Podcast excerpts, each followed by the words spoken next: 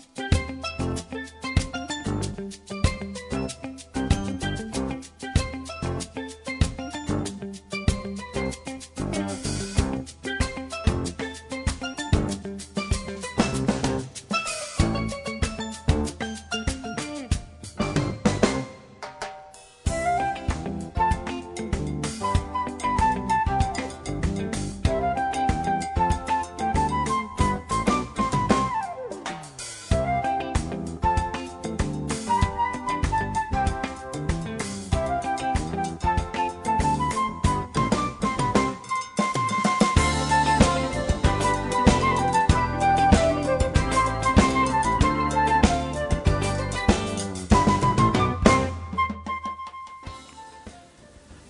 i morgen den skje at uh, lesa noen år ur Matteus 28, uh, Matteus 11, 28.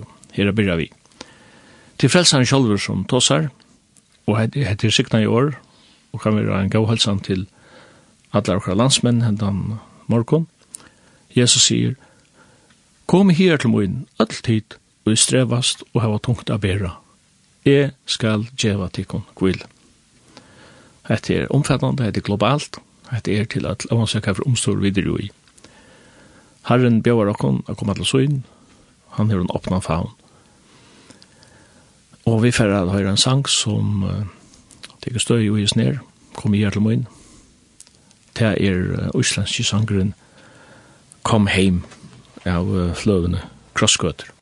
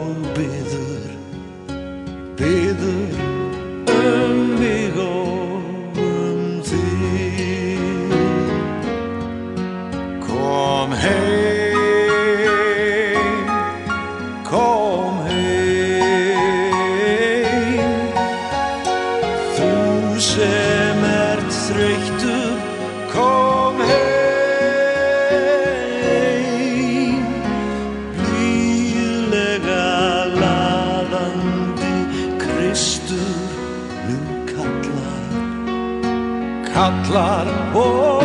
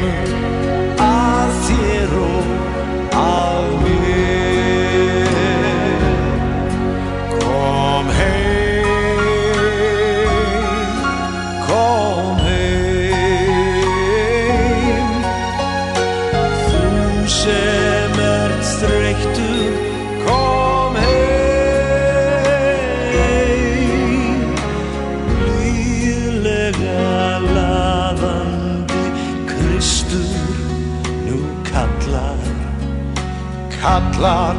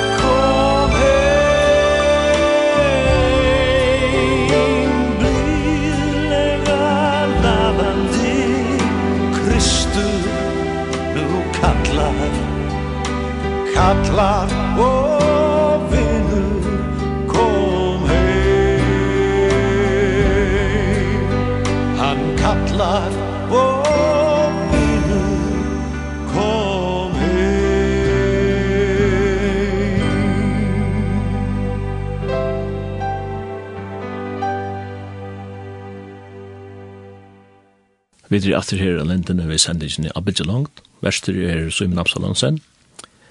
Og jeg har finnet en gjest her i morgen. Og det er Ronald Poulsen. Ronald, velkommen. Ja, takk for det. Ronald, noen torre datum til jeg sier at du er født 12. november 34 og du er møvinger. Ja. Ja, jeg vet ikke om i er, born i hjemme. Eh, fader november 24 så kan du räkna ut att han krutcher være av i 45 da har du vært cirka halvt annet år. Så jeg kan ikke ju at du minnes ikke inte Nei, det er Det er det ikke. Jeg vet at krutcher tar sätter något djup spår och i vavun, særlig. Det sas nek, nek til det enda det er det, og det man har sagt ganske mye til at det var smadronger.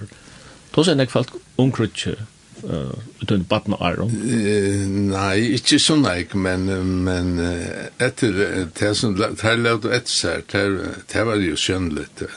Kanoner och håndgranater och sådär och kjolmar og det var det vi spalte vi spalte grudj og høyde kjolmar høyden og gassmasker bør og rettelig nekvar og det var bare til stål og små Så det var, det var, man kjente det var, hei vi krutje var hun, og bilene til kort, og det ble kallet for Big Lorry og Little Lorry, og så det var ei sunnlig det, at hei vi krutje. Da jeg aldri mener for oss det, så ble jeg vekk for å stabbe rett i følgene. Ja, mest lastbiler, ja, det var det att du känner så av hon eh från grunden ända ner där då kan man så som officersmässan av hans och något likvärda bedning och så särskilt flow eller no. Ja, det är nämligen att det det körde vi dock som det var halvvaxen dalt av korte bilar som vi ville och det var ikke alltid jeg hei så ikke kort og det ble brukt som rasarebandet det var ikke løgnet og jeg Og øvrigt, hun kom ikke etter kun? Nei, det var ikke sånn nekver politister, det var det syssel med oss her var jo. Han var en eldre med oss, og han tjekket seg på netten her, og leida jeg til noen synderen her ute oppe i avlovet, nei, det var det ikke.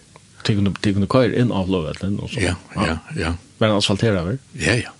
Han var asfalterer. Så du vil sånn holde vekk med formulatkøyring til? Nem, Nemlig, ja det var det. Vi åker kvar kvar. Ja. Ja, ja, da, at du skulle ikke snakke for hardt. Nei.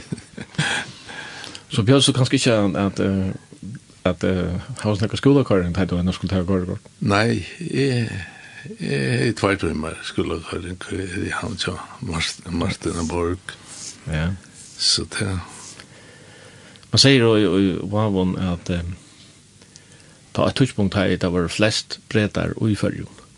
Det var det jeg vet hva, 28 000 Ja, ja, ja, jeg stemmer til 6 og 6, alltid, det var der, wow, men det var sko, du skulle jo ha pass og annars halvfria, bedre komme vestre Og det var vinstrekøyring? Ja, det var det, det var det, det var det, det er engst, men vene var så smale, så det var bare, det var køyre etter du, så var det møteplass og så det er jo.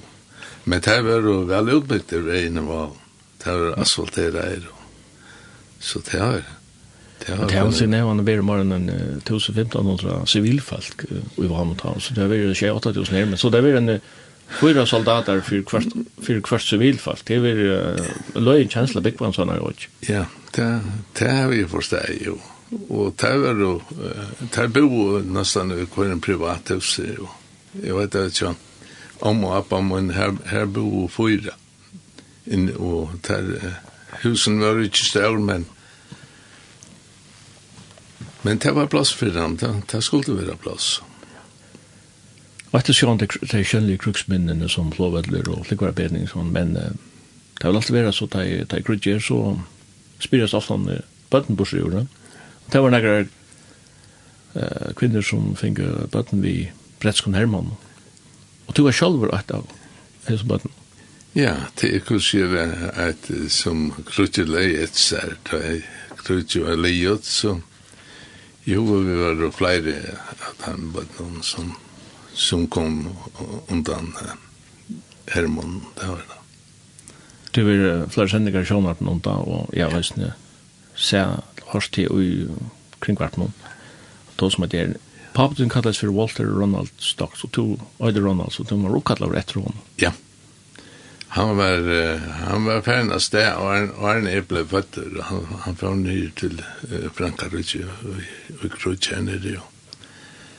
Jeg visste så lite om han uh, jeg, jeg la också råkna vi at han han var där då som han att ikke år år fra seg.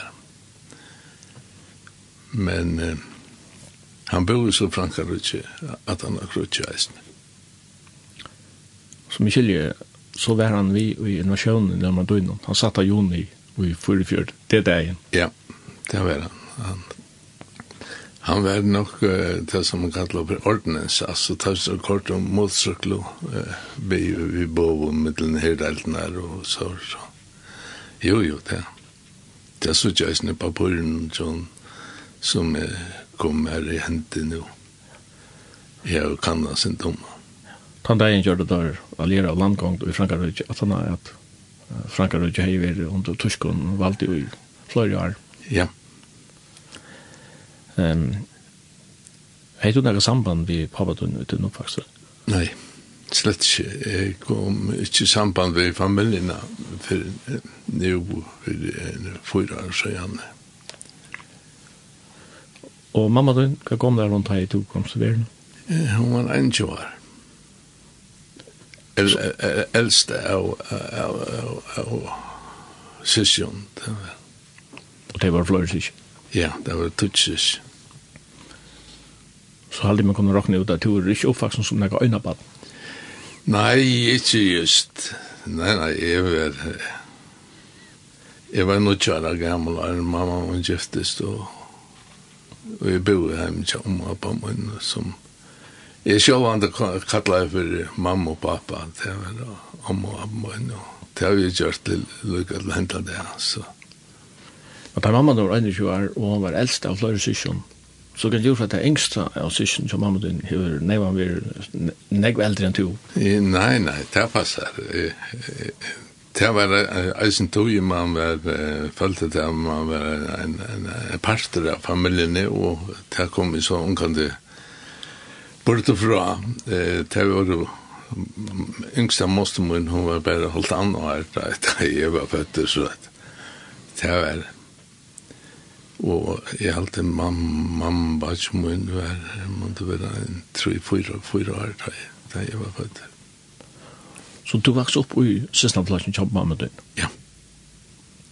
Eh og de syskjen kallar ikke henne mamma sinne for mamma og pappa sinne for pappa. Og, ja. og hva, hva, hva sier du så om mamma din og pappa din? Hvordan kallar Nej ma, mamma og pappa, det er det samme.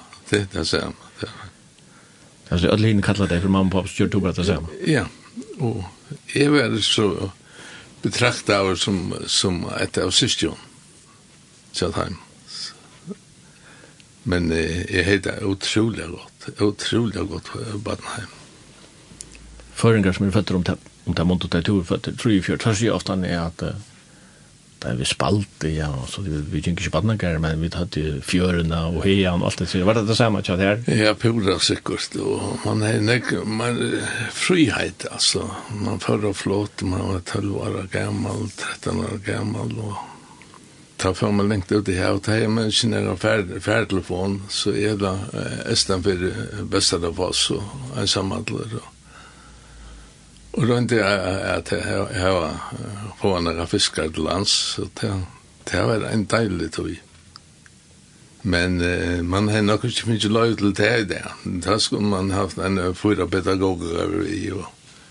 Nei, nei, det, det var stunder å være baten da. Mm -hmm.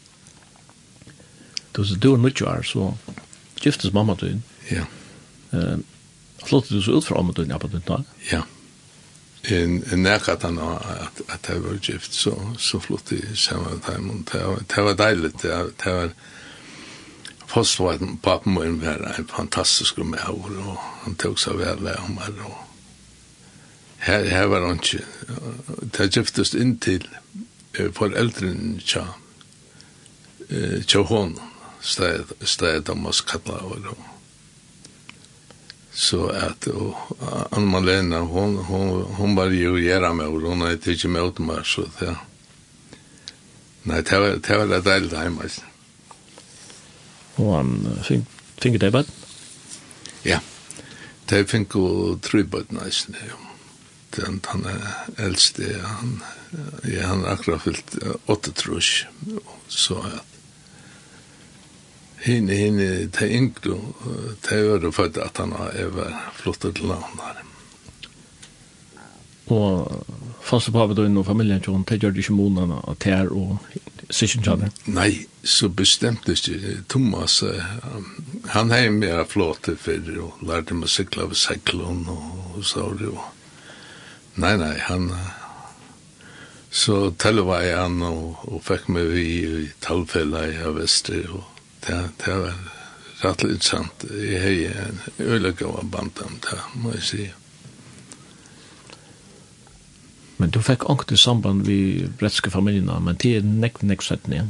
Ja, det kom mest, mest som jeg ville ikke, og jeg visste det var henne som et ønske på apart der, rundt å finne, finne fram til hver det var og hver det var og Men jeg leier så ikke nek ut at jeg husker bare til han, han, han er ikke rønt å leide meg opp, og så jeg har ingen grunn for at leida han opp, og, og jeg mente at det var synd og kjelit, at uh, fyrir han helt jeg at, at jeg for å leida til en familie som ikke vil ha noe med å gjøre, og Men så før det og og røkta deg med er, er inne og så ble det ringt til meg og fra en av det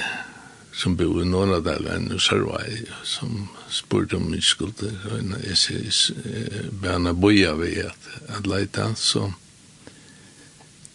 Så då sa vi vi föräldrarna säger nu helt det var toja för att leta kör upp här var till isen där visst det var några chillighet och sjuker eller och så familjen så hej när jag för mina barn nu.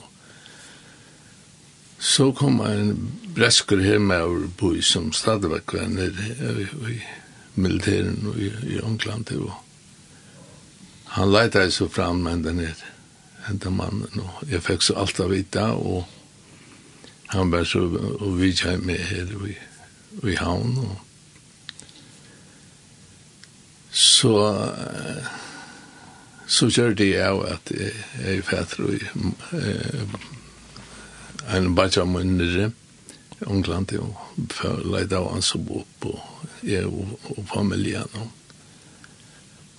det var gammel jeg altså, en siste munn som var fatt i 42 hun, hun var så deg, så henne faktisk så ikke samband vei. En av døtter kjenne, da sa vi så vi. Så at, men det var tog på at han var ble gammal gammel med over, han, han var fatt i, i nødstret hun. Så han døg stort etter. Så så er han familien vekk.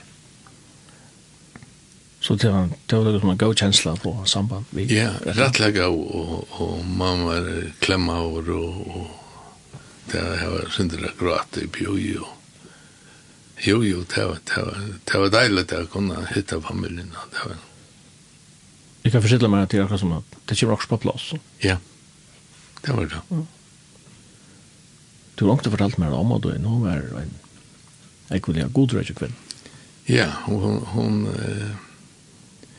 hon var rettelig ung da, da hon tok vi, vi trinne, og, og hon bæna ek, og hei øyla, godt samband, og vanlig godt samband oppe etter, tror jeg. hon visste alltid hvis det var et eller annet, og vi veien vi, vi bøtt noen et eller annet, og han sier hva det var, og så, benka i på et eller annet kom inn, og, og så bæ han for damen, og og ta tjekk, tjekk utmerka vi, vi, vi man bare det var særlig at her som var Grønland det var et og trobleikar, så så hoksa der om hei mamma nu vita så hei hei hon bie og, og så visste hun da Hon bæ. Og så var det problem löst jag dem nu. Gröna, det har öliga kulturöken nu. Är det något hos om, om du själv er støtt? Hva skal man si? Bønner på Ja, det er, det. Det är något hos om det. Det är väl det så. Hon lägger min sånkar kort kvällt og det ble blev og, og sånt ju filmer. Så det. Ja, jeg heter godt. Det er öliga godt. La meg lukka si at her, at om det er anker om det er anker lustare som og det også sier senta en halse til okon at det Ronald så kan vi gjøre det ved at senda et sms til 2,5 trus 13 24 2,5 trus 13 24 Ronald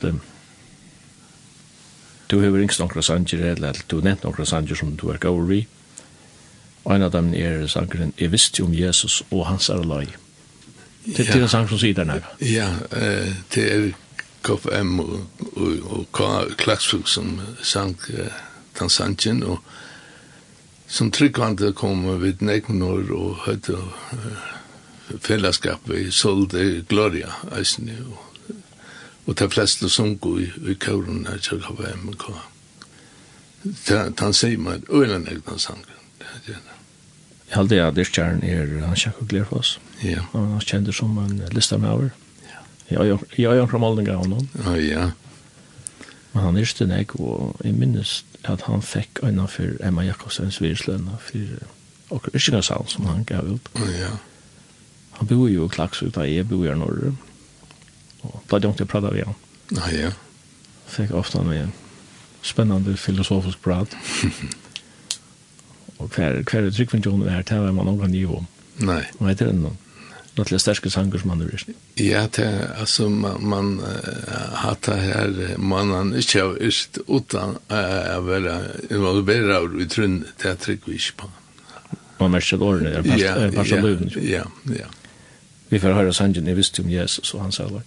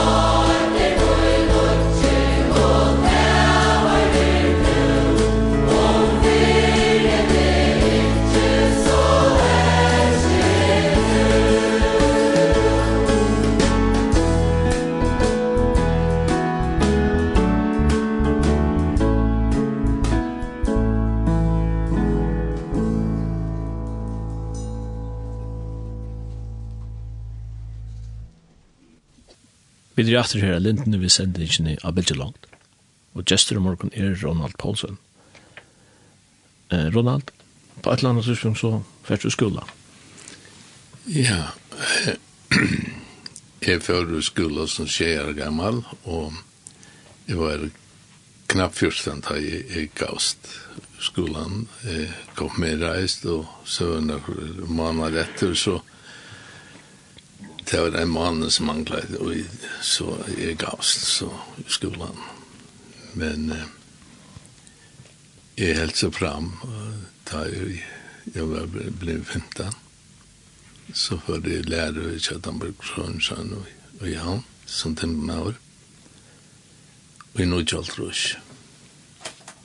Det var det største byggefjellet i Havn da? Det var det største byggefjellet, ja. Det, som hette Amberg og Johansen da? Ja. Det ble så hette Amberg Sørensen? Ja. Ja det måtte være det var tveist steder var bridgebellet da det var Lammark og Borgstein Borgstein og Damberg Jonsen det, det var mest førande i førre Man snackar ofta om at det har ringt att få några man snackar ofta om at det ringte der å få några bygg i havn. Var det også så läst han?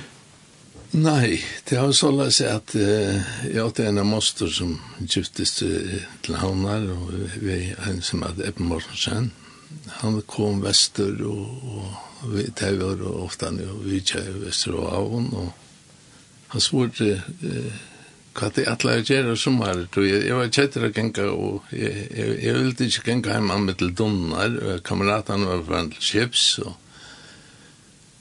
så sier det vi igjen at jeg atla jeg og akkurat og han spurte hva det kom til hoksammer jeg sier det jeg kom til hoksammer over dimpen av så för handla han här och en liten vik att han har så ringt igen och säger att han ska komma en plats eh i lära och jag huxar så jag säger så ja onkel sen är bäckva ja men du ska bäckva så mer. Så är det packa så eh koffert och så till för det lånar och det var ett själva så att du kom väster i weekend det var 48 timmar eh arbeidsvika, og det ble arbeidsleier der, så det var cirka lydig holdt og er en, en ekonomistrater. Her hei det jo medelig godt, og han er akkurat bygd seg et hus, og at jeg kunne jo jo takke hånd og jo og hjelpe hon, og vi, vi er smøye senter. Jeg hei det veldig godt kjøtt han. Det. Altså, var det vi har bygd noen større prosjekter i hånd da? Ja, det første prosjektet som jeg, jeg var ute, det var, det var det, en ja, Jan Jakke Jonsen og i Voksbotten. Nå er det blevet en bare, men ta, han, han, han selte jo Skekvar. Han kom norran etter, og alt han kom, sånt, sånt, alt han kom, kom fra. Han var, at det var via deg? Via deg var det igjen, ja. Her, her var det så, og i nekra måneder, og til huset ble riet. Det var en del tog, ja. Og lærte du ikke å for her? Eh, nei, ikke helt. Hun tok uh, fyra uh, år, men uh, så forlanka jeg mesteren at uh, han ble omkipet fra uh, kveldskolen. Ta, Jeg gikk bare et år i kveldskolen, eller jeg vet det i kveldskolen, så, så ble det der skolen. Og den, den skulle være i sålas at han ble lagt av træt lærdøyne. Så det var jeg holdt av træt, men, men det fikk jo så uh, godt kjørst at, at han var. Men uh, man kan si at fatje til du har lukket som tendra over oss fatje, du får sånn lese til byggjefrøy. Ja. Yeah. Det var reisende fullkomlig tilfelt at det var flere av det som jeg lærte sammen vi som var foran til bytjefrøyen gå. Så det, det var så omedelig kaldt. Jeg var lovna og jeg kom som heim til døvra, da kom han jo heim til døvra og så sier han, hette løyve tog mig ikke. Jeg kan det, så atlei. Ja, det var ikke, jeg kunne godt opp som jeg vil bytte frønk, så satt man inn i kjava. Og så tjekk han stått tøy, så lykket på i av barn. En omsøkning til henne i Hasle. Da har han ordnet det. Og så jeg søkte og kom så inn, og det var første fyrirtrusj. Så jeg får nere og lese her, og det var aspirantklassen her, for jeg kunne komme inn og bytte for en skolen. Det er ikke så godt, så at så får jeg hjemme kjenne meg noen røyder, og så får jeg nere etter. Jo, jo, jeg ble så livet i åtta, tror jeg. Var, var det en treit for å komme opp med skolen, at man har en, en handelsgruppe kring? Ja, ja det var en trej ta tog beter och vi skulle älvera alltså papiren som eh, timpmän arm, med vink och präckfe. Jo, det var en fyra månader. Nu, nu kan de färra lycka från studentaskolan och bli byggt på en kvarter. Det er jeg synes det er negativt. at du, du du har ikke føling vi, vi det arbetet som du har gjort. Så jeg var väldigt glad for det.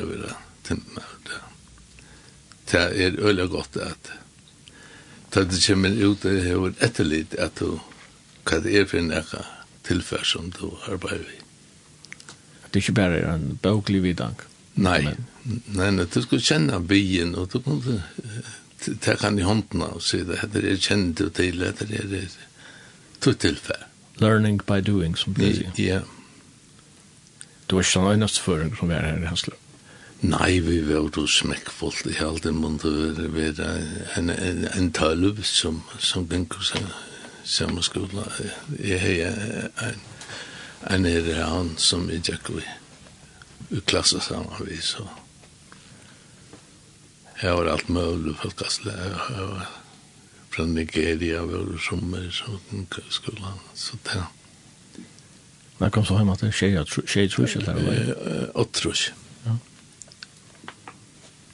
Og hva er det så det kom så?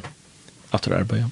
At det arbeidet er det er aller fleste som er i min skola samvitt her er søtte uh, slippen til Palla sen og så det jo og det var ringt å få arbeid som så så at jeg får bare til en liten tempemester som at um, Peter Mikkelsen Peter Mikkelsen, ja og jeg fikk arbeid i beina veien, og han var øyelig, han blir, og så sier han at ta til nå er eh, akkurat kommet i skolan, så mangler det penger. Jeg sier, ja, jeg har ikke noe ofte, så ja, men så tenker vi å betale viklønn i i første tøyne, så kan komme til mannens lønn at han har. Så hei, jeg noe rått av. Det var øyelig pentkjørt, og Men du enda etter Kjell Damberg og Johansen. Ja, det var så løs at det var en FM-søgn å gjøre. Det var jo til telefonverket, og så ble det ferdig klassiker, og, og, og, så til Sumpjara, og så her til, til Havnar. Så jeg heter Rondrond til arbeidet, ja. Brunnaskar klassiker her. Det halde vi var månde vi et av første som var at vi hadde helikopter vi leia av en spør ikke, han kom heim med blidje til minst jo og det ble så pakka og i net så ble det fløy inn igjen og brunna skar og det var, det var rattlinsamt Jeg minnes godt han helikopteren, nu er jo faktisk en klagsuk, han videre bare smadrønger og Jeg kjente bare til en naturlig, det var at han fra Tante Sjøveren, oh, ja. uh, som er militær for et eller annet gråa, uh, han var etter til han. Ja. Så knappt igjen så fløy en kvitter ut i et laks, det minst. Ja. Og da var det to som var på leitjen. Ja. Eh, det er lattes øylen er vondt, og det er det var ganga ned av fjall og og det det var ikke det er ikke kunne både det var betontje og størveien og sånn igjen så det det er ikke veldig godt og det var skjøtt at det det arbeidet ble ble livet der oppe Det er som pent oppe i Brunnaskjær, det kommer nena her og sagt, og Norge Herhalsund og Kassifjøren og Larvøy og Foklafjøren og alt det. Ja, ja, jeg minnes det da, og Da masteren var kommet opp, og jeg ikke av veien opp masteren, så nei, da da begynte det drivet seg med det minka sint, og så sier det normalt med, nei, jeg gikk til bare langt opp, så, så er det helt sikkert at, så dårst, hvis du, dette nye nu, så er det bare lamleste, av, så, det, det, få det i sted, men det var mest fornemmelse, det var tåkan, det ene, potlamjørsi, potlamjørsi, så var det kommet opp, og da var det pom. Og låte la når etter fjøren, og ta, ta helt fast, og tog følte at det var tusen for jøgn luftene. Det var, hun var høy, 500 meter.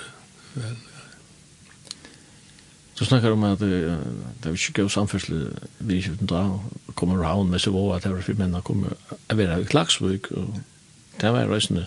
Altså, her slapp man ikke lengt. Nei, det slapp man ikke. Det, man kunne bekvanna sånt, det, det var Jungle Bergholm, men det her domte det men ytla, ytla maskinmassaren og, og helikopteren, han, han ville bare slippe vekk igjen, det er at han helt han var og så trånk kom jacken så Jag tar tar det väl att flicka helikopter men då tar det inte jacken tunneln norr fjäll. Nej, nej det gör den där inte. Det är väl då rättligen.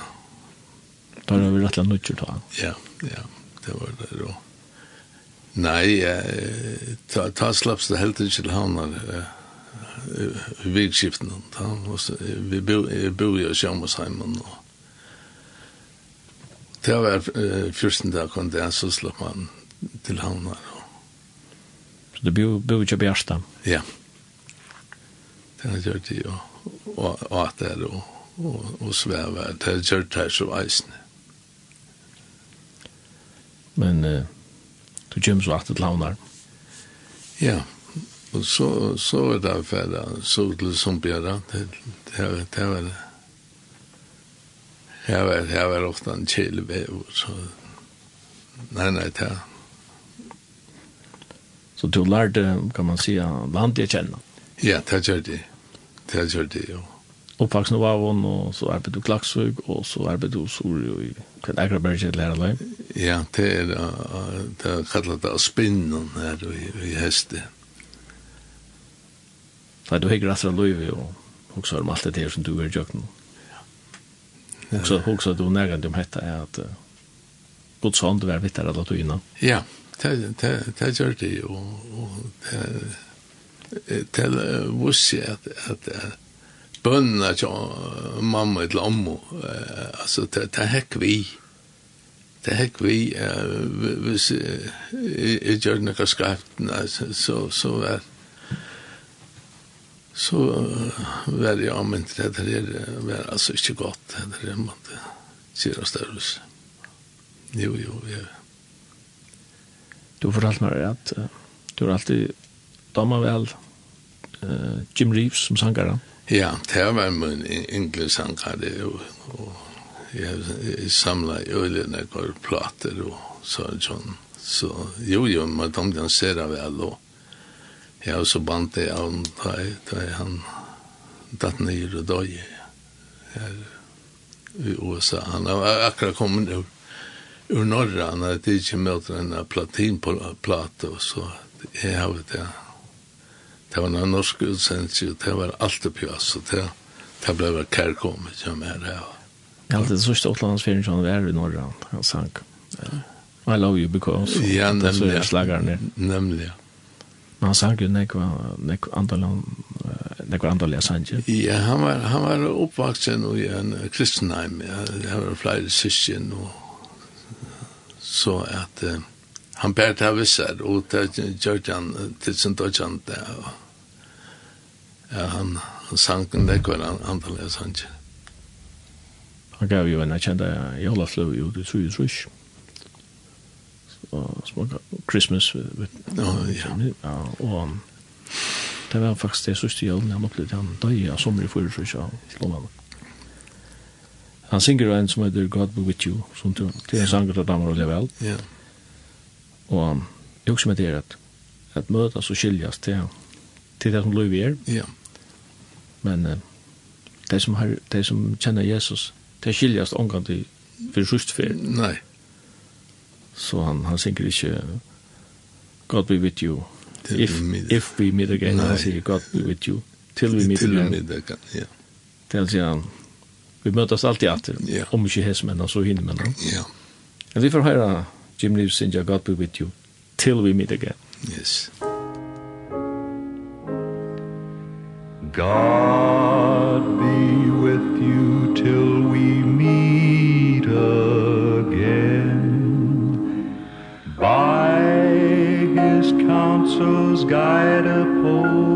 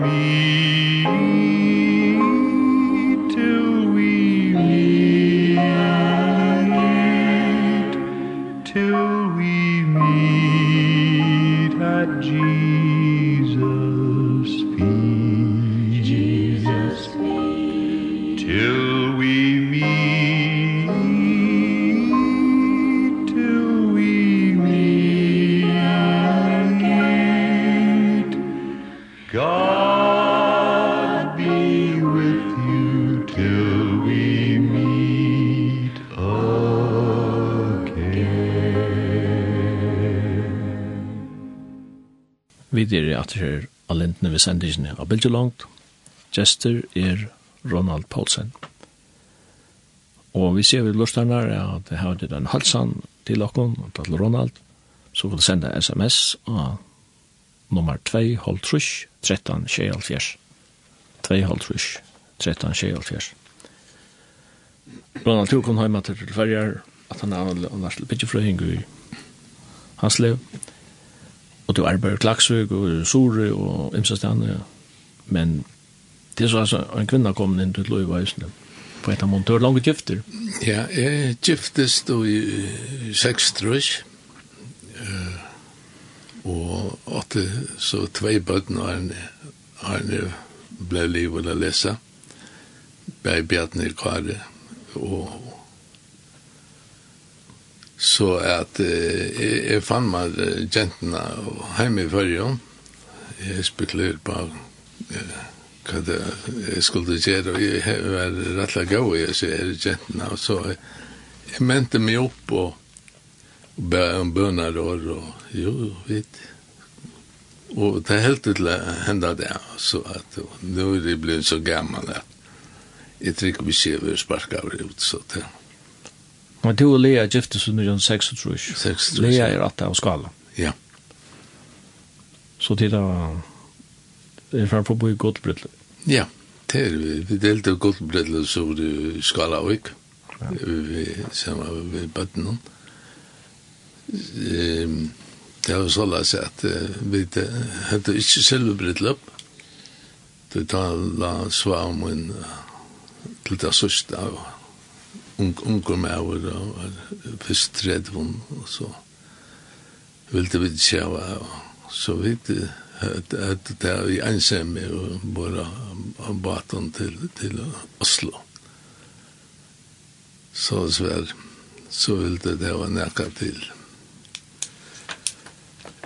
Til til Gottlob Bredla bestan fyrir. Så vidt hetta at at, at, at en ball för för vinnen och känningen och här i havn och här så hade vi samma med bötten här sol. Och det var länge sedan blev en appe men alltså. Du säger att det blev länge appe? Ja, det blev länge appe, ja. Det blev länge appe i julemanna, ja. Sen abbadat hon bor nere, men det kommer hem och så så forskrekte og kunne synter. Så skulle det være badnaderbor og vi møtte til badnaderber men det er helt snutt og kunne eisne så at det ble gift samme der så det ble brittle på og badnaderber så tja tajma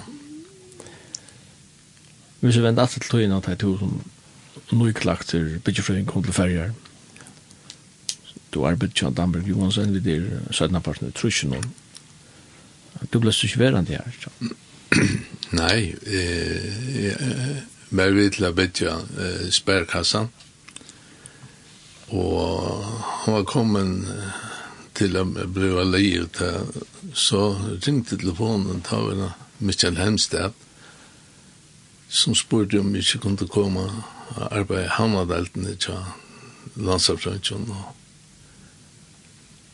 Og det er helt at det kunne være spennende å lønne en kanna, så at jeg, jeg hører til her og ble så uh, leirer av teknostolen til, til uh, innover han, han har vært og, og kom så å var det smarre havna rundt med bateljer og, og kajene uh, kvann og sånt og ute i heste og imsa stande rundt.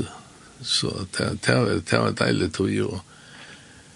Mykje var en sterk uh, leialig fytte med over og her var det til Saksefors. Ble så lukket som headhunter av Mykjall? Ja, det var jeg ikke stolt av. Det, det, han var kjenne på det. Jo, jo, det, her, han er nok hukt i arbeidsplasset, ja, og hvordan det er ikke, og jeg vil nok være nøkter og så.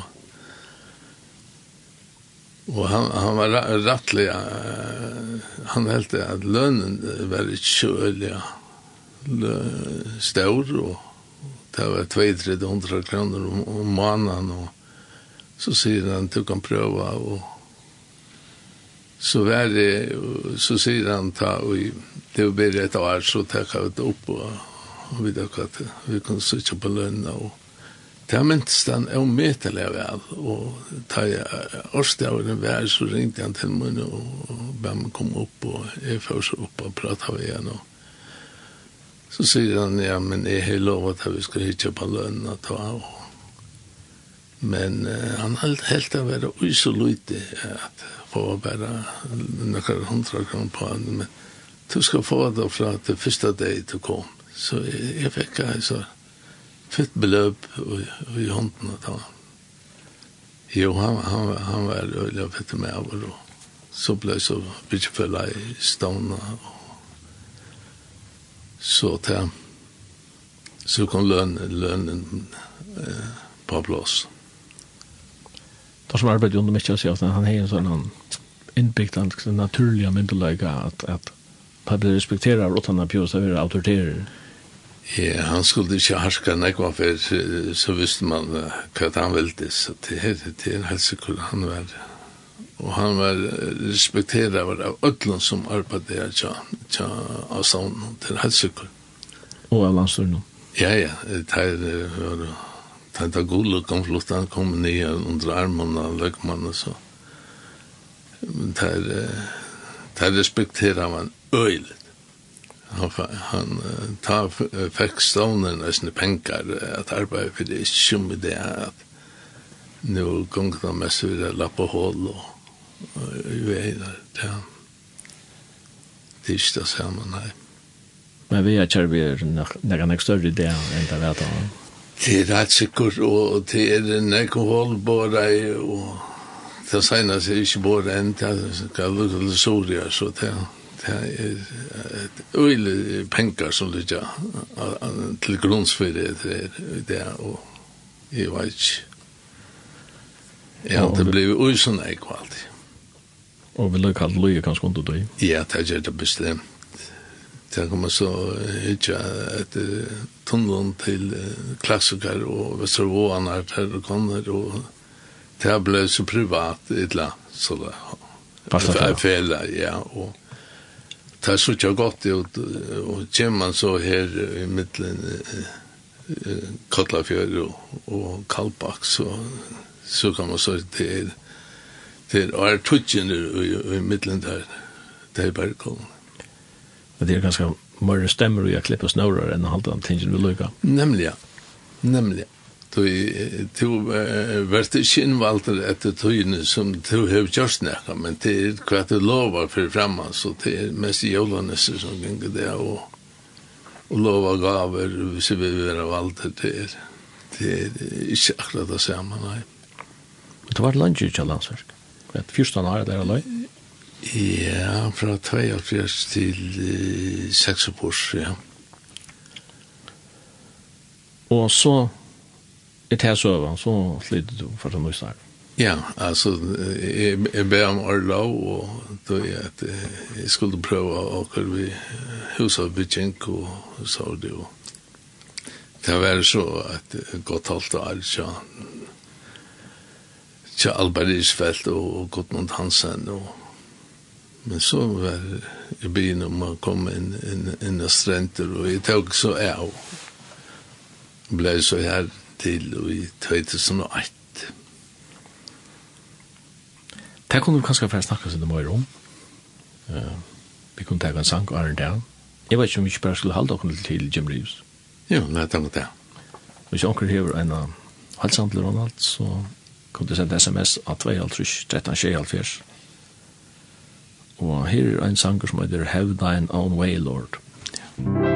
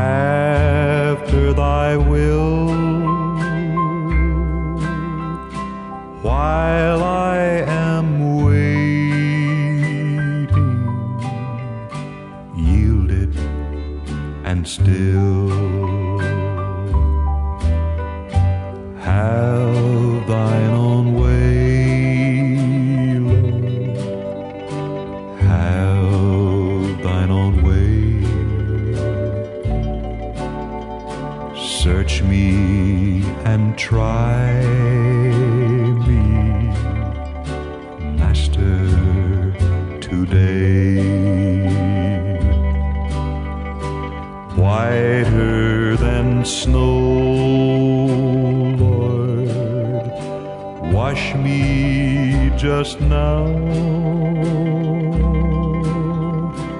As in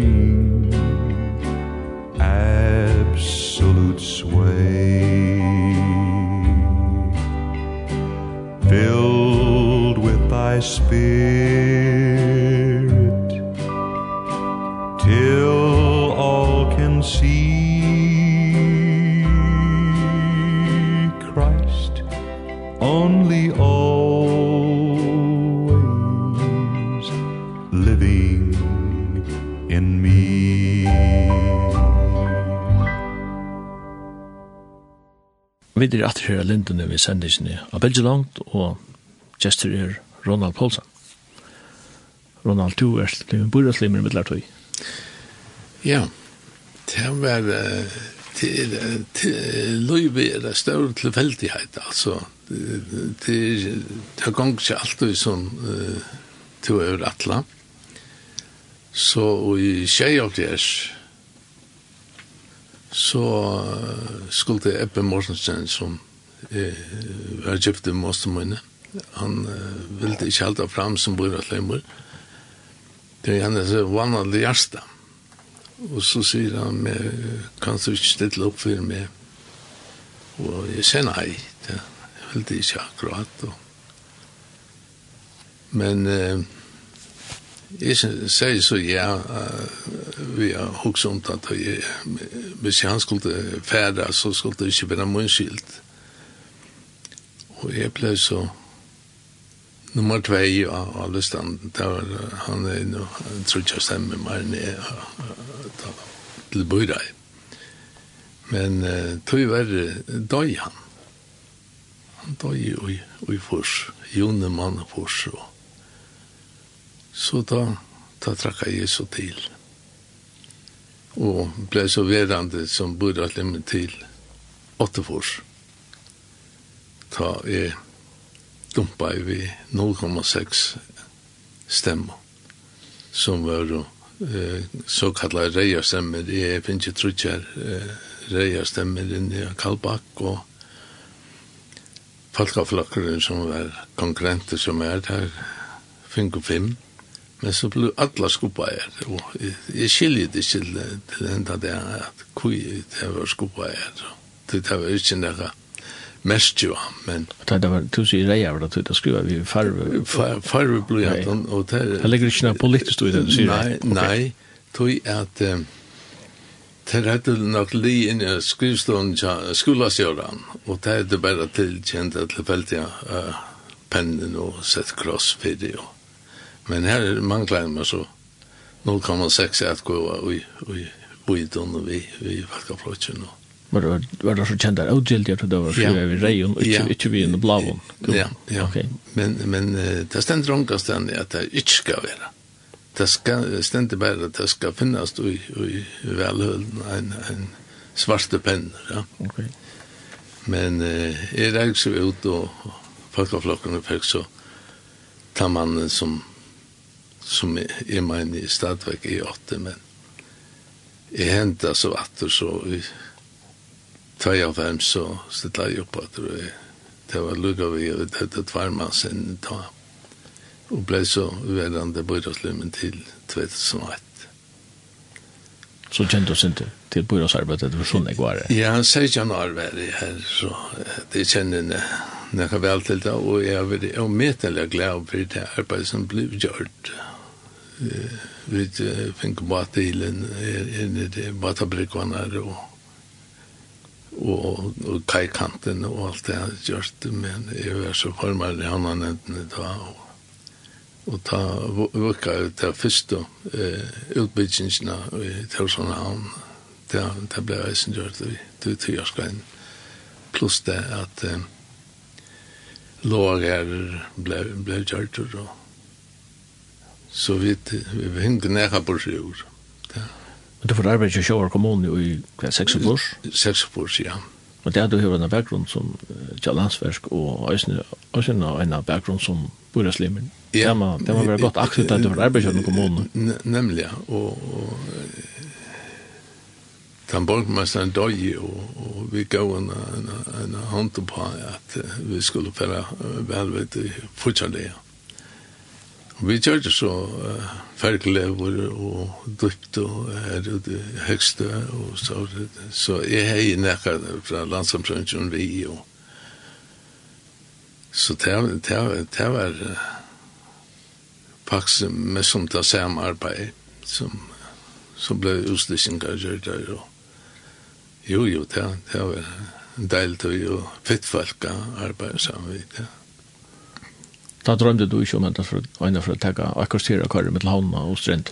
Nei, det stranden kar hette ta en skriv til Tørsand kommune her, så da bjøv om å bli en parter av Tørsand kommune, men det helt man ikke var høskant da. Nei, nei, det er det nevnt av køyre i jøkken, det er bare klarer seg fortjelig, så er det vel om det är låt. Ronald det um, han har snakket sin rom, heter vi uh, tror jag noen og at bönen er fyllt där alle tog av å se yeah. hver verst. men uh, man tar så som at, at, at trykken blir levande og trykken blir personlig Sånn. Ja. Yeah. Det hendte jo også nu i löven till att Ja, det, det hendte og jeg har hørst om at jeg er svære møtene som skulle være i, i Sørvei, og det hadde vært jo eh, tver påskastevner og æren, og så tenkte jeg skulle være og vite hva det var for nækka, og det det er ikke øl og søver om det skulle klare opp etter vedsjon, og bo for sjukken, og så var det var nækka nytt, og jeg var så vidt bensjen, og jeg får sammen med kone. Og, og det, eh, det ene møtet her ble, fikk jeg så møte vi her, og, og tok han avgjør da, og var øyla glad om for det, at jeg var tannparten i år da. Hver, hver får du møtene fram? Det er bare å bli hattene i Sarvai. Misjons, men jeg var løyte, så at Så det møtte en øyelig rikva av folk, det var en bæg i Suri og Klagsvøk, og det var en vestinjen kom i snor til Klagsvøk, og den samme vestinjen, og jo, jo, det var det. Det var en valsignat hui, det må jeg sige, at her ble nek folk glede for båskapen, tog vi om, det er misjonsen som jeg kjører i ta. Det er så ikke det som er nå. Nei, nei, det var en av av leieren er Herod som gav meg tegna en en en nytt misjonsen som var nøkser som kunne eisen deilast opp og så før jeg gang til det og så det ble så bygd og det sendte der som uh, er vekkert hus her, så right, det må jeg si. Var du vidt til å bygge det huset? Ja. Jeg er etterlitt og, og, og så vidt det. At som jeg, at som jeg er teknet av gjør noen skilavedger som var nemmen å sette opp og, og takke borster hvis man skulle ha et størmøter og det er det så blir det brukt. Det vet ikke nere så til det her. Jeg kan gå minnes det, så jeg tog inn her, at uh, det ble nek snakk om Sørå, og folk fra Vester her, og, ja. Uh, og hølene var for lydel, og kanskje så inn. Og, Ja. Og, var det, var det en husmøte helt natten da? Og det, det var alle, det var, det var, det var brukt nætene til uh, husmøter, og det ble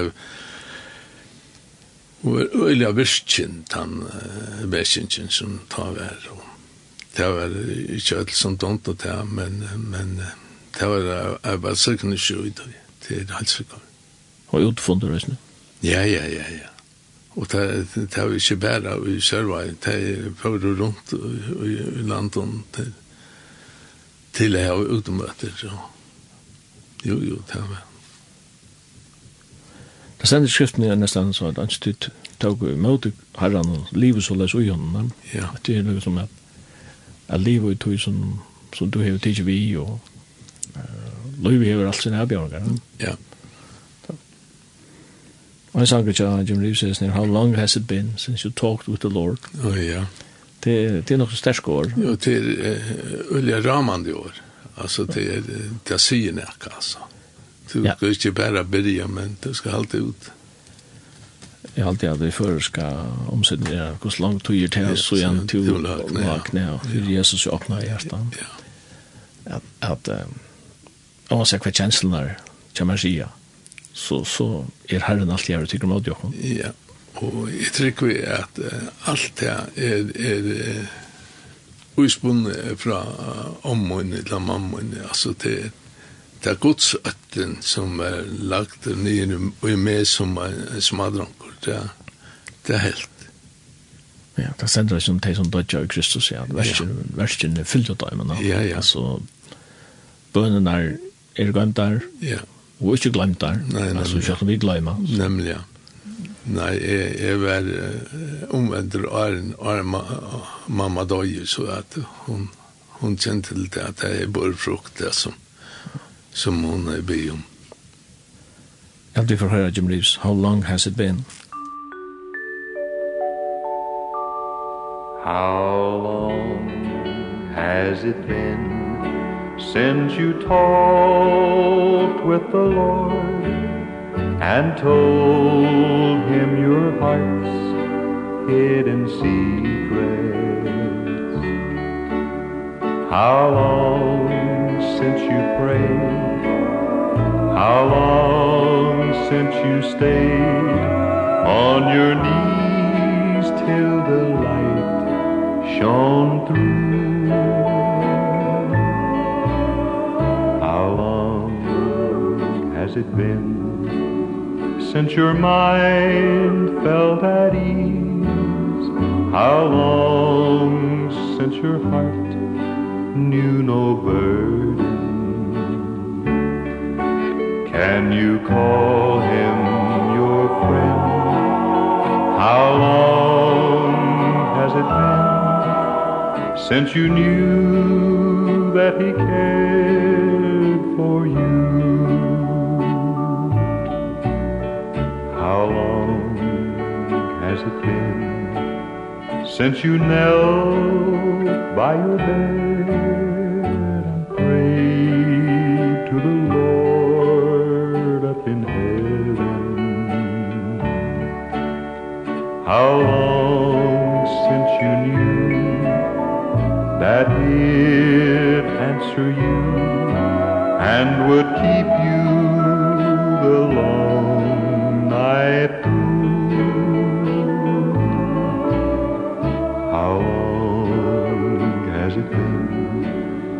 Since you woke with the dawn and fell. This day is worth living. Can you call him your friend? How long has it been Since you knew that he cared?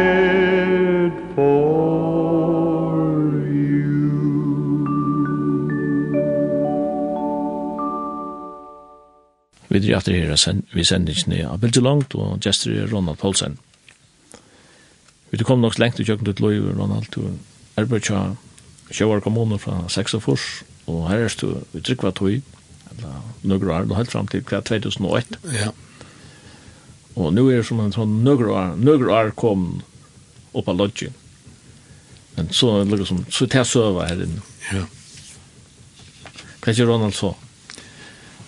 Nei, ta, og jeg er så ikke bare bøydagslim mer.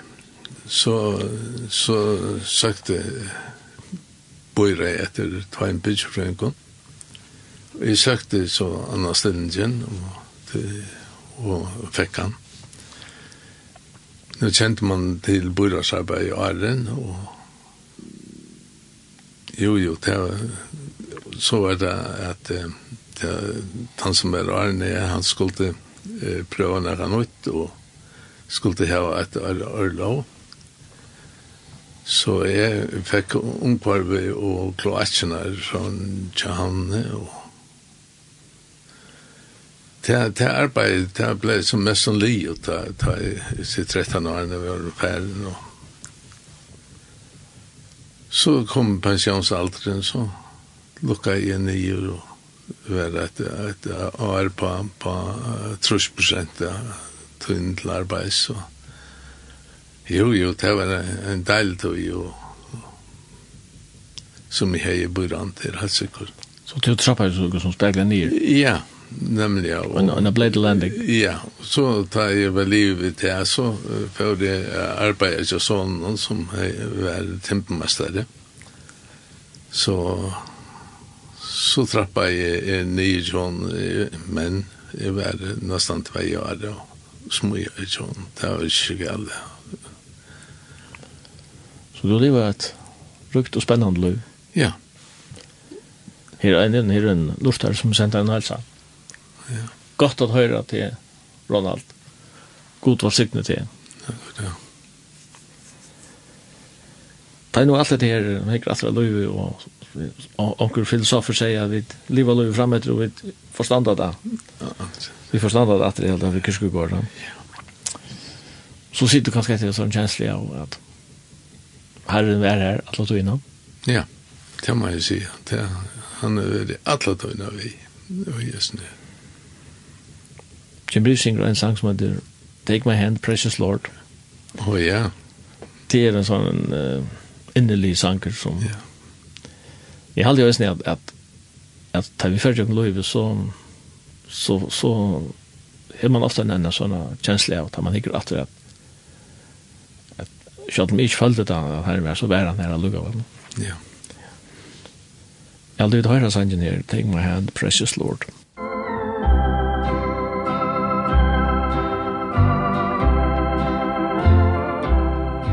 When my way groweth drear Precious Lord, linger near When my life is almost gone.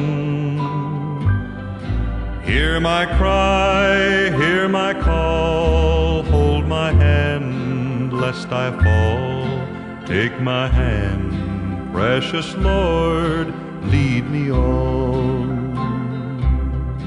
Precious Lord, take my hand Lead me on, let me stand. I am tired, I am weak, I am worn.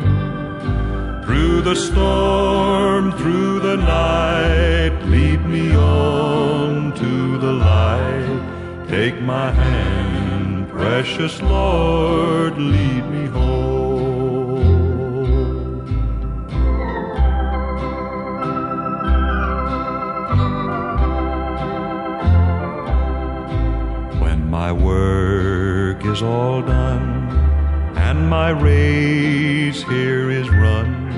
Let me see by the light thou hast shone That fair city so bright Where the lamb is the light. Take my hand, precious Lord, lead me on.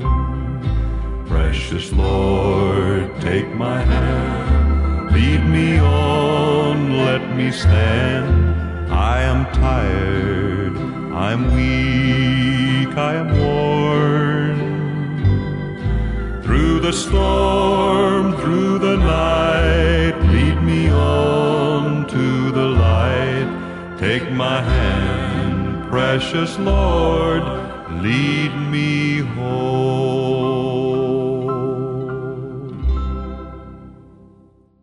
Vi er her i Lindene med ned av Belsalongt. Vi har i morgen prata en gav løte vi Ronald Paulsen, som er attaver ur Muai, 88 år gammal. Han har fortalt en mengt og imes fra Sunne Løyve, vei som um, bytjefrøyinger og, og handverskar og kvarsa synon.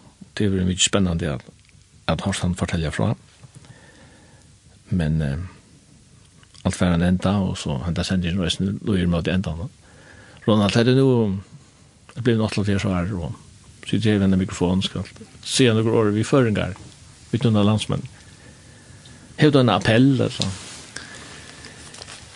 Ja. Nej, det är så läs att eh Løyve, det, det er, kan være øyla til, til og som jeg har nevnt før, jeg var uh, vaksen oppe i en, en kristen omkvarve, Og det hever en stående tøytning til at det er kvært legget og i bøttene. Tøy til bøttene som skulle bære evangelium vujar.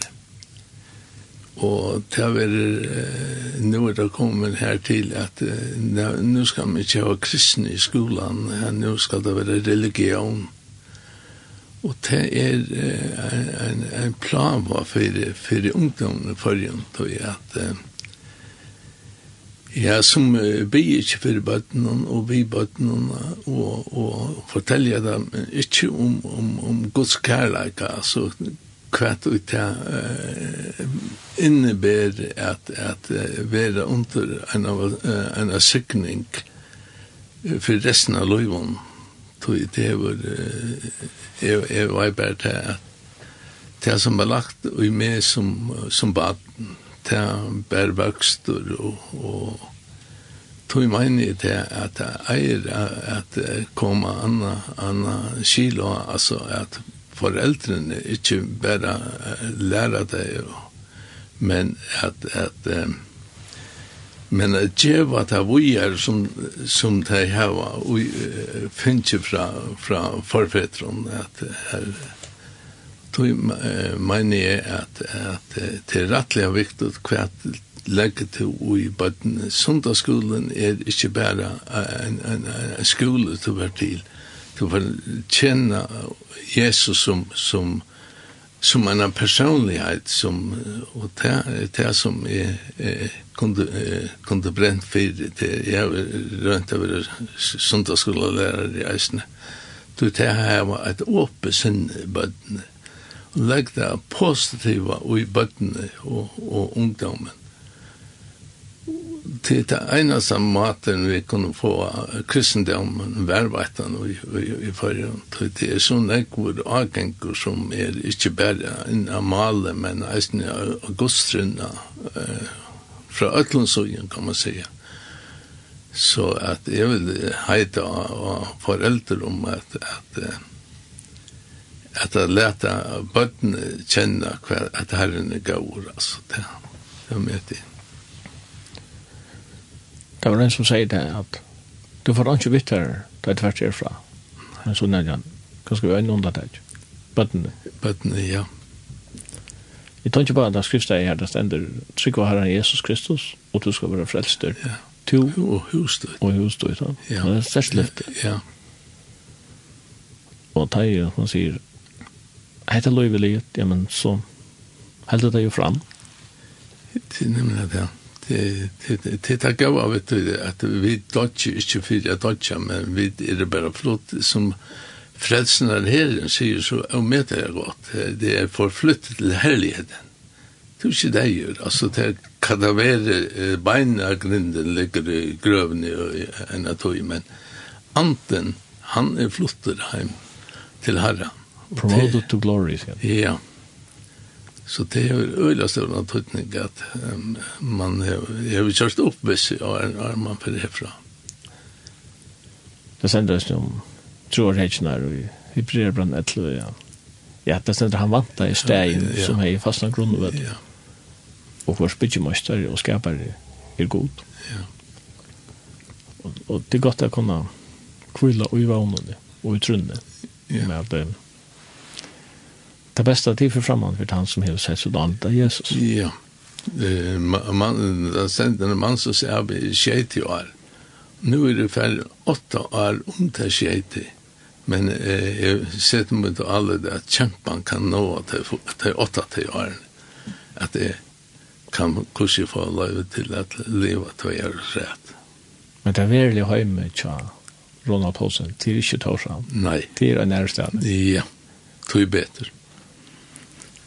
Ronald, jeg halte at det er øyelig at Lada Jim Reeves synja This world is not my home yeah. I'm just a passing through yeah. Du elskar uh, Jim Reeves så yeah. det er sterk år at at Hesenheim er ikke mitt heim men Nei. det er det kommande ja. jeg vil si stora takk for at du ville komme jeg setter vi et ordentlig pluss på og det er en livande go vittnesbord du bor for dere her Mark, nu færer vi til sørst at høyre Jim Rissinja, This World Is Not, not My Home. home ja. Takk for det.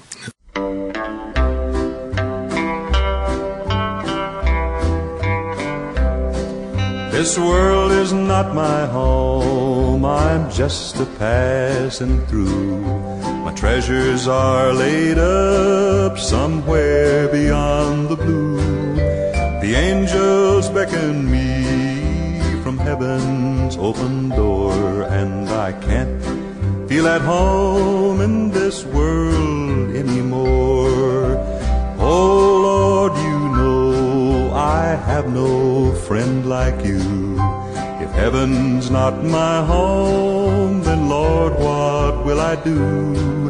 The angels beckon me from heaven's open door And I can't feel at home in this world anymore. I have a loving mother just over in glory land And I don't expect to stop until I shake her hand.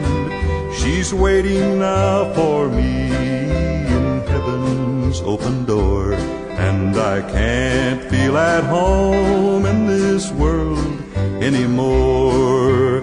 Oh no friend like you.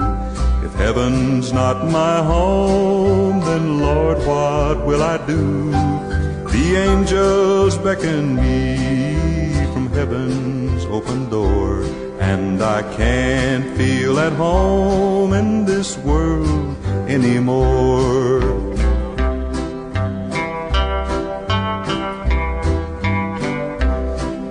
Just over in glory land we'll live eternally. The saints on every hand are shouting victory. Their songs of sweetest praise drip back from heaven's shore. And I can't feel at home in this world anymore. Oh Lord, you I have no friend like you. If heaven's not my home Then Lord what will I do? The angels beckon me From heaven's open door And I can't feel at home In this world anymore.